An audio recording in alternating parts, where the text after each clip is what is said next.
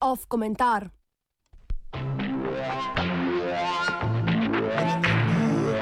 Depresivna hedonija. Crush a bit, little bit, roll it up, take a hit. Lagali bi, če bi na vprašanje, kako ste preživeli vikend, odgovorili z dobro. Morda bi bilo primerneje, če bi rekli ena štiri, tako kot zmeri.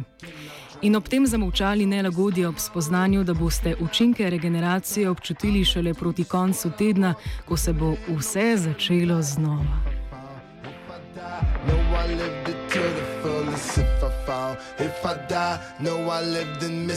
Neskončno ponavljajoč se cikl delovnega tedna, ki mu obvezno sledi sproš sproščanje ob najrazličnejših učinkovinah in pa berkovanje o razborljivih preteklih dogodivščinah, izkušenosti z njimi in našimi tovariši, tovarišicami bi lahko preprosto opisali z verzom pesmi Rane skupine Smrt Boga in otrok. Uniči svojo mladost.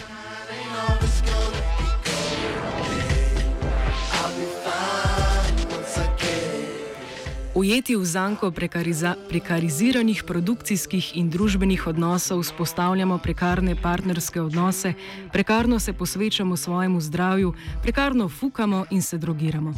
Vse več mladih se sooča z duševnimi težavami in medikalizacijo leteh. Ne pretiravamo, če rečemo, da je mladost v poznem kapitalizmu zelo podobna bolezenskemu stanju. Ta patologizacija onemogoča kakršnokoli možnost politizacije. Naše osebno je razumljeno kot rezultat naših individualnih odločitev in našega individualnega nevrološkega ali družinskega ozadja. Kakršnakoli sporednica z družbeno-sistemsko vzročnostjo lastne prekarnosti postaja irrelevantna.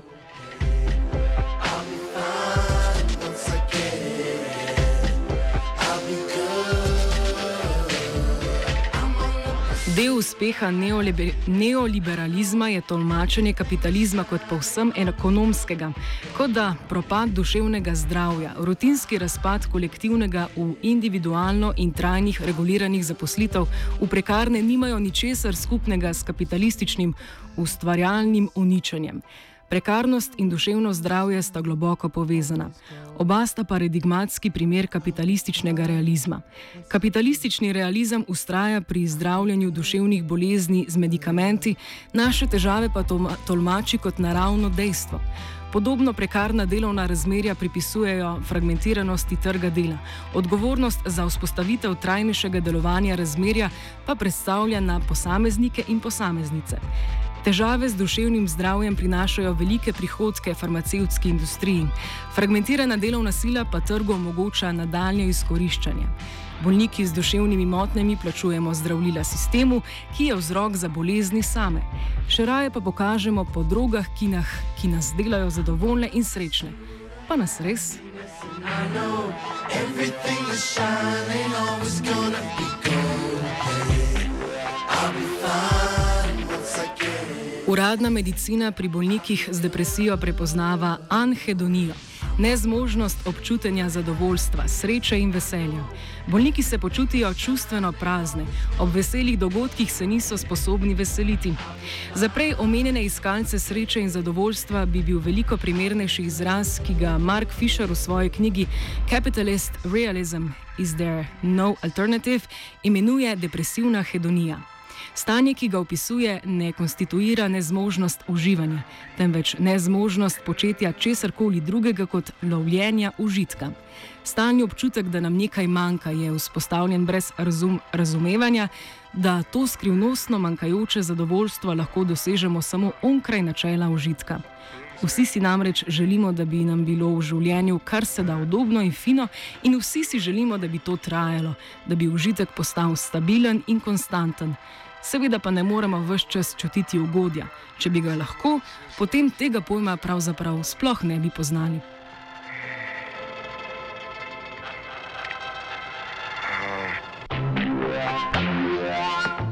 Naša nejasna strukturna pozicija, razpeta med umirajočim, reguliranim in poblaznelim nereguliranim svetom, nas spreminja v potrošnike storitev, ki v nas vzbujajo občutke sreče in zadovoljstva. Navidezni občutek svobode v prekarnosti nas dela depresivne in proti temu se borimo z nenehnim maničnim lovom na užitek in ugodje, saj v možnost spreminjanja in nastajanja novega ne verjamemo več.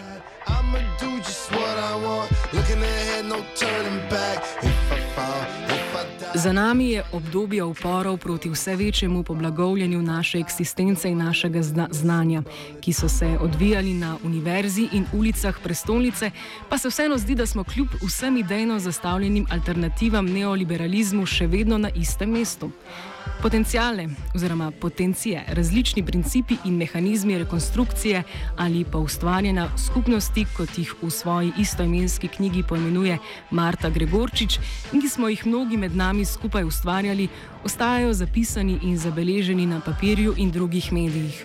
Učinki bojev za samoodločanje in avtonomnost, krepitev moči za politično, gospodarsko, družbeno in kulturno samoustvarjanje skupnosti pa večinoma nostalgični spomini. Nothing, nothing. Tell me what you know about the night terrors every night. 5 a.m. cold sweats waking up.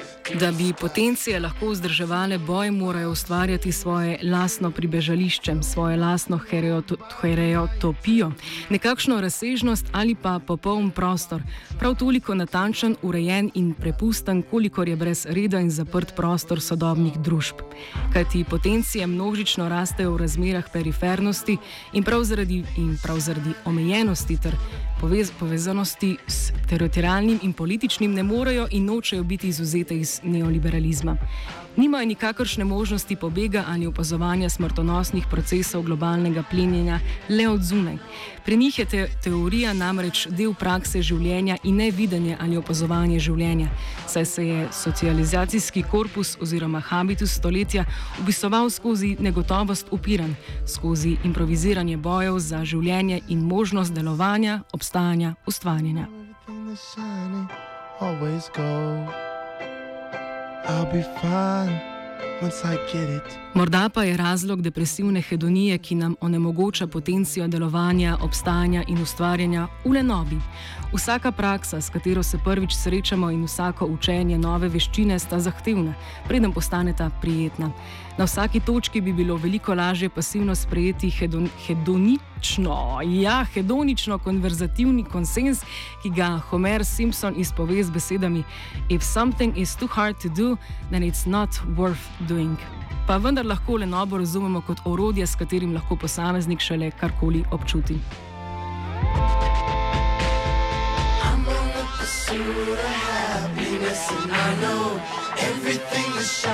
Pri petkovih in sobotnih druženjih ena, tri brez skrbi, torej ne gre za mazohizem, ob katerem bi doživljali občutek ob zavedanju lastnega vsakodnevnega trpljenja in bolečine v nezmožnosti realizacije potenci.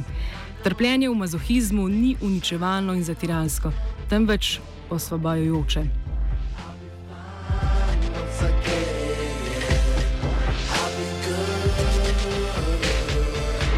Depresivna hedonija tudi ni ritual kaznovanja, apatija ali cinizem. Depresivna hedonija je refleksivna impotenca. Nezmožnost refleksije lastne ujetosti, o kateri poslušamo tudi v pesmi Smrt Boga in otrok. Vedo, da je njihova generacija v pizdi, vendar vedo tudi, da glede tega ne morejo storiti dosti. To zavedanje, ta refleksivnost ni le pasivno opazovanje že obstoječega stanja, ampak samo izpolnitvena prerogba. Kaj namreč ustreza oblasti bolj kot v okove lastne nezmožnosti ujeti posamezniki in posameznice? Depresivno, hedonično za vas, drugi.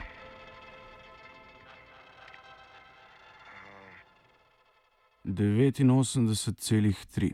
A ti to kaj pomeni? A, a mi mora? Ja, pomisli malo. Ne, noč mi ne pomeni. Ups. Radio študent na frekvenci 89,3.